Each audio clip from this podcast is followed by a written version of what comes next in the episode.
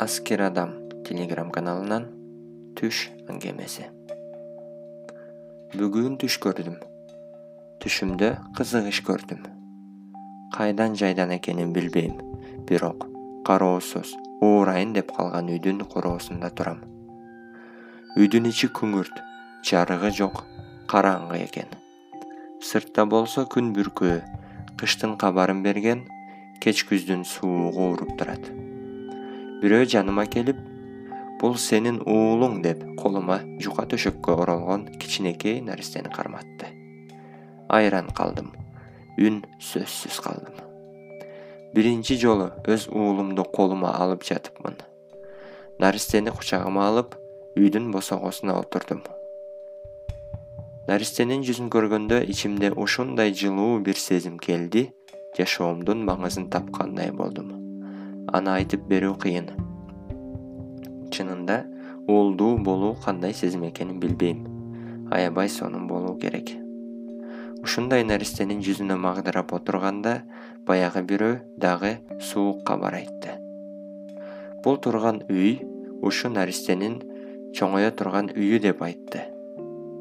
Жүрөгүмө ийине сайгандай тыздей түштү.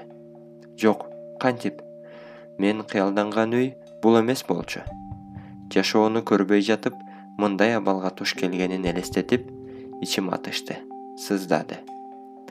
Али дагы алдыда ызгаардуу кыш келе жатканы ага даяр эмес экени жанды кейитти анан бир маалда жер термелеп жер тырмалап жүрүптүрмүн бул кылганым кышта үйдү жылуу журкан болот экен.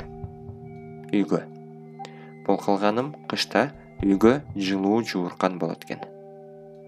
Баары жанын карч уруп жанталашып жүрөт экен. Кантип ойгонуп кеттим билбейм. Бирок нес болуп ойгондум? Же бул сенин уулуң дегенге кубана албай же анын келечегин көрүп кайгыра албай эмне кылаарымды билбей маң болдум. О айланайын кудай түш болсо да мени түшүмө кайтарчы. Уулум менин түшүмдө жалгыз калды. Анын үйүн оңдоп берүүгө жетишпей калдым.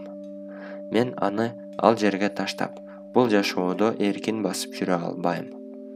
О кудай жок дегенде түшүмдө болсо да уулумдун жаркын келечегин көргүм келет. Аңгеменин аягы